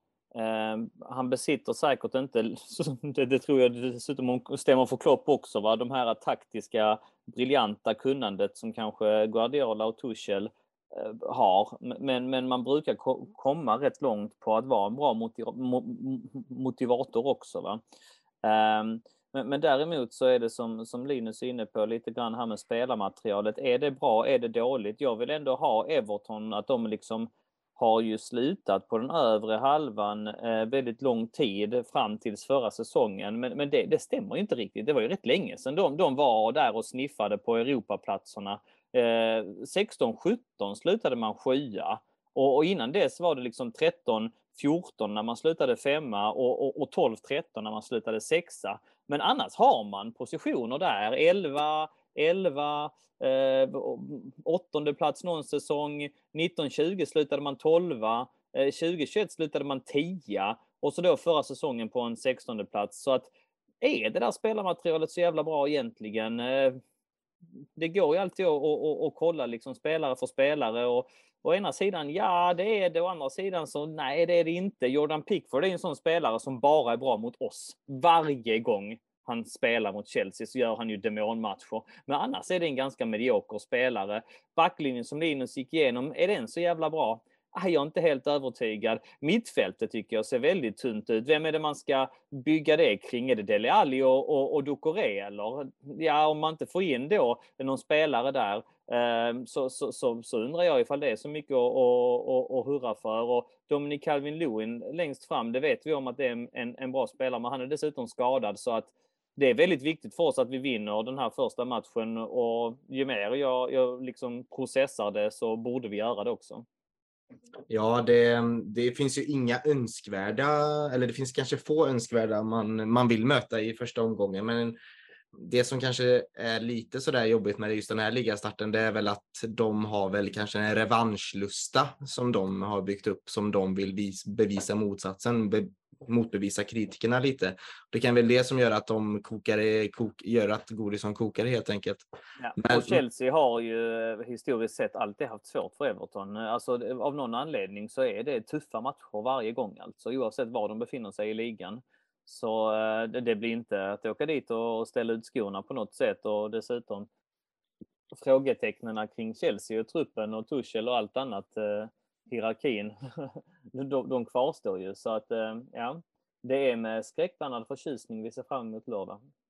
Precis, och nu när vi ändå hoppar in i, vi kan ju hoppa in i det vad vi förväntar oss av matchen och vi kanske börjar med vad vill vi se från, eh, från Chelsea på plan? Är det någonting, ska vi förvänta oss ungefär den elvan som ställdes ut mot Udinese där fredagskvällen, det vill säga den första matchen utav, utav två. Eh, ser ni någonting ändras kanske från den elvan? Eh, man trodde ju nästan att men nu vill eh, Tuchel kanske spela in en elva eh, som kanske ska starta ehm, i premiären. Eh, osäker på det. Det, det. I så fall tyder det på att Chilwell kanske inte är i form då. Det tar tid att återhämta sig från den där skadan och att Alonso får starta bland annat. Men vad vill ni se ifrån ifrån eh, vårt lag här nu då på, på lördag? Vill ni liksom att vi ska säkra, spela lugnt eller förväntar ni er att vi ska gå ut och spela ut eh, Everton på Goodison? Det tror inte jag. Men vad, vad har ni för invändningar? Donny, du var lite orolig sådär. Mm. Ja, men det är jag. Och eh, en sak värd att flika in också med den här Ehm, eh, Kukureya-värvningen är att eh, det jag har läst så är det också att Tuchel vill ta höjd för att spela en fyrbackslinje framöver. Nu tror inte jag att det kommer att ske i premiären utan vi kan nu förvänta oss den vanliga tre, eh, ja, vad ska man kalla det, 3-4-3 kan man väl kalla det i brist på annat. Ehm, men, men, men ehm, det, det, är väl sunt att anta att det är den som, som kommer att ställas ut där. Och jag tror, som du var inne på, att vi kommer nog spegla exakt den uppställningen som ställdes upp eh, mot Udinese i första matchen, med undantaget att jag hoppas att Alonso förpassas till bänken och att Ben Chilwell kommer in. Ja, Chilwell såg inte så het ut där eh, andra matchen tycker jag. Eh, han såg lite ringrostig ut kanske, men eh, helst hade jag velat att han startar också. Eh, Linus, vad har du för förväntningar på, på laget på lördag? Jag är nog inne på samma bana som eh, Donny där, att Alonso ska passas till bänken, men eh, det beror helt på statusen gällande Chilwell. Sen är jag, älskar jag ju Kovacic. Det är ju en bra spelare med bra speed, men när det gäller defensiva spelet så är det nog mer balanserat med Jorginho och Kanté. Men absolut, Kovacic kan också komma in där. Men det jag ser som en risk är att vi kommer styra spelet men eh, det kommer ske kontringar där Everton kommer utnyttja varje chans de kommer få. Och speed har de på en hel del spelare tycker jag. Och eh, vi får nog se upp för dessa kontringar för att en sak att vända spelet snabbt på bland annat Iwobi, Gordon, det är två skickliga spelare. Man har Gray, det är tempo i alla dessa tre spelarna. Och hänger man inte med där och de får in ett mål, då kan det bli tufft att eh, ha det trycket som det väl byggs upp in på Goodison. Eh, så det gäller nog att få till ett tidigt mål tror jag och sen försöka styra matchen eh, därefter och försöka att inte släppa till enkla målchanser. För kollar vi till Arsenal-matchen nu på försäsong, visst, det är en försäsong, men det sker fortfarande stora misstag eh, i försvaret som vi måste minimera. Och det tror jag tillsammans med Silva och Kolobali framför allt kommer göra det. Och det är viktigt nu premiären att få de här tre poäng, för annars blir det... Ja, det är tråkigt att börja på något annat sätt än tre poäng på lördag. Men eh, det är, det är spännande match och vi, vi har inte lätt mot Everton, speciellt på bortaplan. Temmes, tror du Kokorea kommer komma rakt in i startelva? Nej, det tror jag inte. Eh, jag tror att han måste lära sig hur laget spelar och eh, komma in i det helt enkelt. Han har inte deltagit i mycket av Brightons försäsong heller.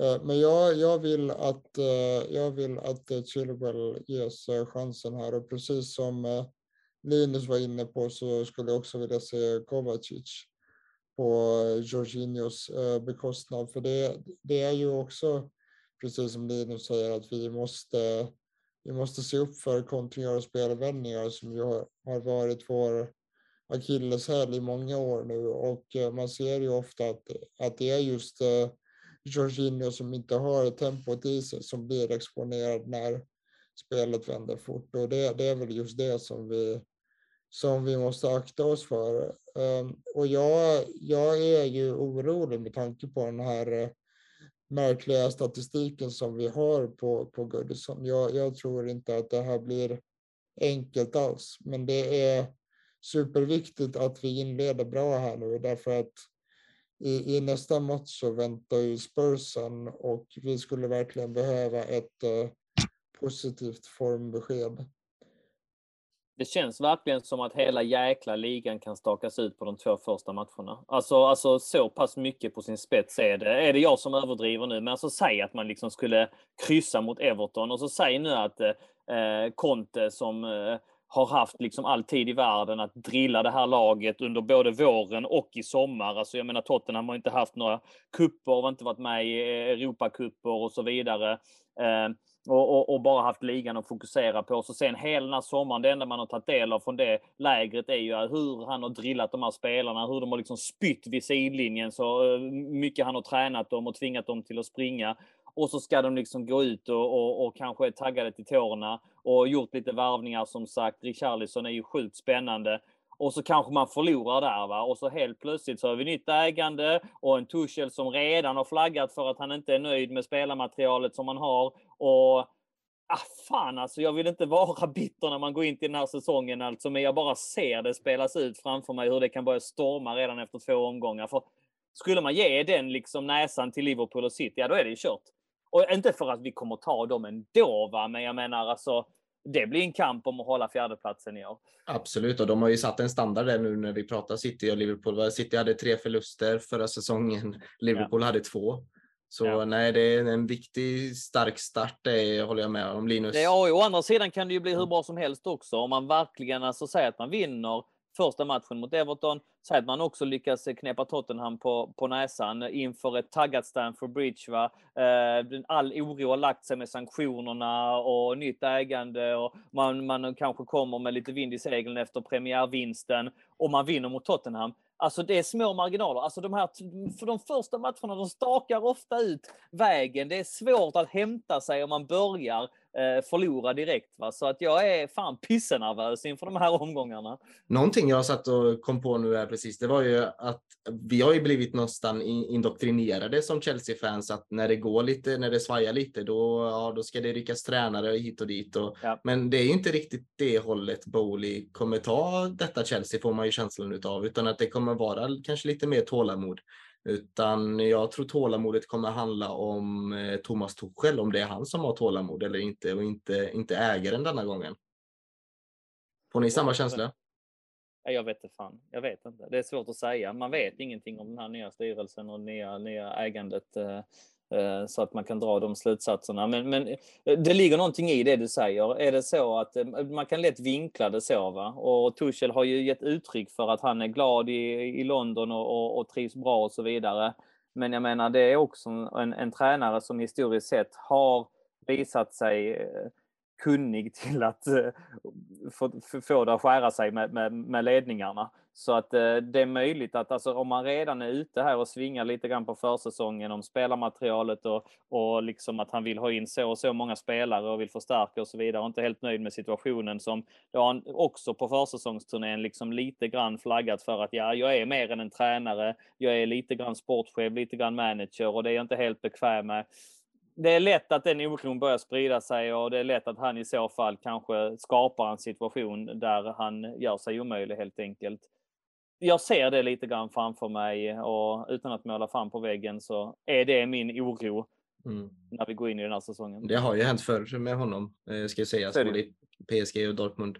Men eh, ja, det jag ser fram emot mest eh, på lördag, det är ju kanske att se vilket anfall vi startar med och lite hur Sterling kommer användas. Jag är ju ändå fast övertygad där som vi, vi pratade när vi snackade ner matchen, eh, Udinese-matchen där som ni kan, eh, ni kan lyssna och titta på på Youtube så, så såg jag ju rätt fort att Sterling användes som någon, eh, någon slags falsk nia. Jag vet inte om ni har kollat om det där nu och kanske sett det jag såg eller om jag såg fel kanske, men jag, det ska bli kul att se om, om det fortsätter, för jag tyckte det såg väldigt eh, bra ut. Och det, det är ju som sagt, det handlar inte om att vi inte kommer till målchanser, för det gör vi, utan det är ju hur effektiva vi är. Eh, och det är det jag vill se det förväntar jag mig mest av att vi, vi kanske ska bli lite mer effektiva denna säsongen. Eh, och, liksom att det inte behövs tio chanser för att vi ska sätta en, utan Nej men så är det ju. Och, och, det, är ju, det är ju den andra sidan av myntet, exakt det du är inne på här. Det kan ju lika gärna falla ut väldigt, väldigt bra. Va? Koulibaly kan vara exakt den där spelaren. Nu lämnade han sin första liksom, intervju som officiell spelare för Chelsea. Då. En fantastisk intervju. Jäklar vad man fattar tycke för honom direkt alltså. Ja. Vilken spelare, vilken liksom, återigen, motivator i omklädningsrummet det verkar vara. Så se den intervjun, den finns ju ute nu liksom. Och även, tänk om det är så att Harvards har behövt den här sommaren för att eh, ta det där extra klivet. Tänk om han sätter sina chanser som han missade förra säsongen. Mason Mount ser ju bättre ut eh, än någonsin. Va? Ser ut att ha biffat till sig och vara i riktigt bra form. Tänk om han tar det där extra klivet. Vi har en, en, en, en skadefri Reece James, vi har en skadefri Ben Chilwell. Det kan ju fortfarande gå och bli en jäkligt bra säsong detta. va. Eh, samtidigt kan man inte bortse från orosmolnen. Mm. Har du många orosmoln eh, Fredrik eller är det, mest, är det bara målskyttet eller finns det något mer där som du, du ligger och tänker på? Nej, men jag, jag kan säga i all korthet att jag, jag, jag delar Donnys oro här av, av de anledningar som redan tagits upp här. Att det har ju varit många moving parts i sommar. Det har varit fram och tillbaka med eh, Bowleys agerande. Thomas Tuchels humör har inte varit det bästa. Eh, vi har inte fått in alla spelare vi behöver och vi behöver verkligen medvind med oss i säsongen här, eh, därför att annars så kan det bli, bli ett väldigt jobbigt eh, topp 4-race. Som jag har varit inne på tidigare så tror jag att vi ligger i spannet mellan plats 3 till 6 där och det, då gäller det att vi hänger med från början. Så Eh, ett bra resultat mot Everton och Tottenham är mer eller mindre ett måste. Eh, jag vill bara flika in om formationen där och eh, Koulibalys presskonferens idag. Eh, jag vet inte om han, om han helt enkelt inte tänkte efter eller om han råkade försäga sig lite. För han sa att han behöver anpassa sig till Chelseas system som är en 3-5-2, sa han väldigt tydligt. Eh, så jag undrar om det är en taktisk detalj där som man har råkat avslöja eller om han bara likställer eh, våra 3-4-3, 3-4-1-2 varianter mer än 3-5-2. Intressant. Mm. Jag tror inte han tänkte. Det är, inte, det är inte en jättechock om vi spelar det systemet heller tror jag. Eh, det tror jag Lampard och staben har koll på där i Everton. Eh, Linus, vad ser du fram emot den här? Eller vad, vad, vad har du? Känner du några orostecken där eller för, eh, som sagt, för mig personligen så är det mest målskyttet det handlar om. Eh, inte allt annat. Vi har, vi har mycket på plats och vi har snart ett försvar igen som vi kan vara stolta över och lita på. Eh, vi har en av världens bästa målvakter. Eh, vi, har, vi är ju lite kräsna som Chelsea-supportrar, vi har ju blivit det. Eh, men jag vill ha någon som nätar liksom 20 mål och vi har haft så svårt att hitta det. Eh, är det fortfarande det som, som, som hänger över oss mest? Ja, jag oh, tänker det. Det måste ju vara målskyttet framför allt. För de senaste åren så har det varit väldigt utspritt, men det har inte varit den här tydliga målskytten där man önskar att man har en nummer nio striker längst upp som pumpar in målen. Vi har inte riktigt varit så eh, bortskämda med det. Och det, det är ju ett problem som har följt efter oss. Lukaku lyckades inte. Kahavertz har varit från och till i formmässigt, gjort mål ur form, gjort mål, ut och in hela tiden. Sen har vi varit inne lite på det där att jag tänkte lite back in the days när vi hade William, Pedro Hazard där framme när man körde den trean. Och mot Everton kan det bli bra på ett sätt att det är tre kanske långsammare backar som är större, men inte lika tekniska som kan mötas. Och då tror jag också att Sterling kan vara ett alternativ längst upp. Eh, men det är ju själva orosmomentet gällande målskytte. Sen tänker jag, en önskan jag vill ha är att vi slipper de här jädra skadorna på viktiga spelare. Mm. Och för behöver spela de här reservspelarna. Och jag menar, kollar man på förra säsongen till exempel mot Wolves borta. När vi knappt, vi hade tre målvakter med i, i truppen och hade många coronafall och skador och där fick vi spela matchen med knappt lag liksom. Det är mm. ingenting mm. vi vill stå inför och förhoppningsvis så slipper vi coronan på det sättet. Den här säsongen, peppa peppa jag i trä, men eh, en skadefri säsong och att vi på något sätt får lös Kai Havertz, att han får sina 10-15 mål i år i Premier League, för det behöver han nu. Han behöver sätta de här målen och det gäller att få det tidigt tror jag, att det behövs en bra start eh, både från laget och Kai Havertz. För det är det alternativet jag ser främst där uppe som vi ska satsa på, som jag ser som ett alternativ för framtiden för Chelsea också. För Kai Havertz är en ung spelare och har gjort, har gjort det bra och har skickat hem en Champions League-buckla. Så jag vill, han, jag vill han så väl och jag vill att han ska börja leverera på en jämnare nivå, för det gör han inte just nu. Mm. Vi får se om Brocha kanske kan konkurrera ut honom om han inte spelar bra. Vi får se, han ska ju stanna hos oss nu. Där. Men eh, någonting då, nu, nu, no, någonting som är nytt då med denna säsongen, det är ju att det kommer bli ett, ett avbrott där, där det kommer spelas ett, ett, ett VM. Och jag känner, det är väl svårt att kanske veta exakt vad det kommer ha för, eh, för tendenser eh, och för, eh, för hur det kommer spela ut sig i ligan när det gäller speltid. Många kommer ju säkert akta sig för att eh, kanske inte köra ihjäl sig själva innan VM börjar. Ehm, plus att det kommer roteras en hel del tror jag. Eh, det är nog därför man kanske kollar nog mer på att bygga en trupp likt City och kanske inte lika mycket startelva alla Liverpool utan att man vill ha bredd istället. Ehm, just för att förminska skador och stress på spelarna. Ja, men eh, då säger vi så för denna gången. Det, vi har gått igenom en hel del eh, idag just för att det är ligastart och det har hänt en del denna veckan sedan vi pratade sist. Och eh, jag vill börja med att tacka dig Fredrik och Linus och Donny att ni har varit med. så tack till er. Jag hoppas ni vill vara med fler gånger. Det vet jag att ni kommer vara. Och så vill jag även tacka till dig eh, som har lyssnat. Men jag vill också påminna er att följa oss på sociala medier. Eh, det är, ju, det är ju supporterföreningen Chelsea Supporter Sweden som står bakom podden och man behöver inte vara medlem för att vara, ta del av vårt ideella arbete. Men vill man stötta på ett enkelt sätt så som sagt följ oss på sociala medier.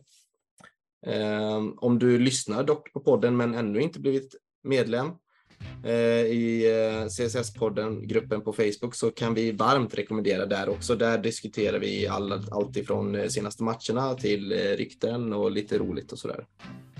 Ehm, vi kan även påminna att gå in på vår svenska fans där vi, det kommer ut matchrapporter, artiklar och krönikor från vår fina redaktion.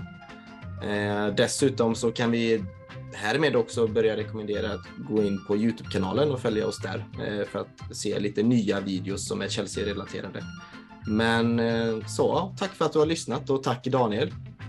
Ja, men tack själv. Alltså skitkul att vara med och jätteroligt att eh, se ditt fantastiska driv Patrik. Jag ser jättemycket fram emot säsongen och eh, kul att kunna bjuda lyssnarna på ett eh, så vitt och brett och ganska så matigt eh, avsnitt som detta blev också med diskussioner där vi eh, går igenom väldigt mycket matnyttigt. Ibland håller med varandra, ibland inte håller med varandra, men det är så det ska vara i podd. Så att ja, det här är ett dunderavsnitt. Du, du, du klipper det ihop det och får ut det redan ikväll eller? Jag ska försöka mitt bästa så jäkla nice alltså. Då kanske jag får det till promenaden sent, sent ikväll. Jag tänkte ta en sån jäkla promenad vet du, så att uh, det ser vi fram emot i så fall. Men otroligt kul att vara med. Ja, tack så mycket. Tack och tack till dig Fredrik också för att du var med och tack för dina, dina insatser kring Everton. Ja, men eh, tack själv. Eh, jag tycker att jag upprepar mig eh, varje gång jag, jag är med i podden, men det, det är som sagt alltid roligt att att eh, diskutera Chelsea och det kan man inte få nog av. Så eh, nej, vi, vi kör vidare här den här säsongen och det ser jag verkligen fram emot. Det tål att upprepas flera gånger Temmes, lova mig. Och eh, Linus, tack till dig också för att du ville vara med. Jag vet att det är hektiskt i ditt liv just nu och det är mycket förändringar, så tack för att du tar dig tiden också att vara med. Ja, men det är bara skönt att stänga av allt och koppla av och prata lite Chelsea med så det, det, är bara njut man av. Så att, eh, det var två härliga timmar som det blev eller vad det blev ungefär. Så att, eh, men det är alltid lika roligt. Och, roligt att vi kunde presentera en spelare så här break news i podden också. Det är alltid lika roligt. Så nej, nu tar vi igång för lördag tycker jag. Fan vad gött. Då önskar jag er tre en fortsatt eh, trevlig kväll och till er lyssnare en fortsatt trevlig morgon, kväll, natt, vad det nu blir när ni lyssnar på detta. Och så önskar jag oss alla tre poäng på lördag. Tack för att ni har lyssnat. Hej då! Ciao.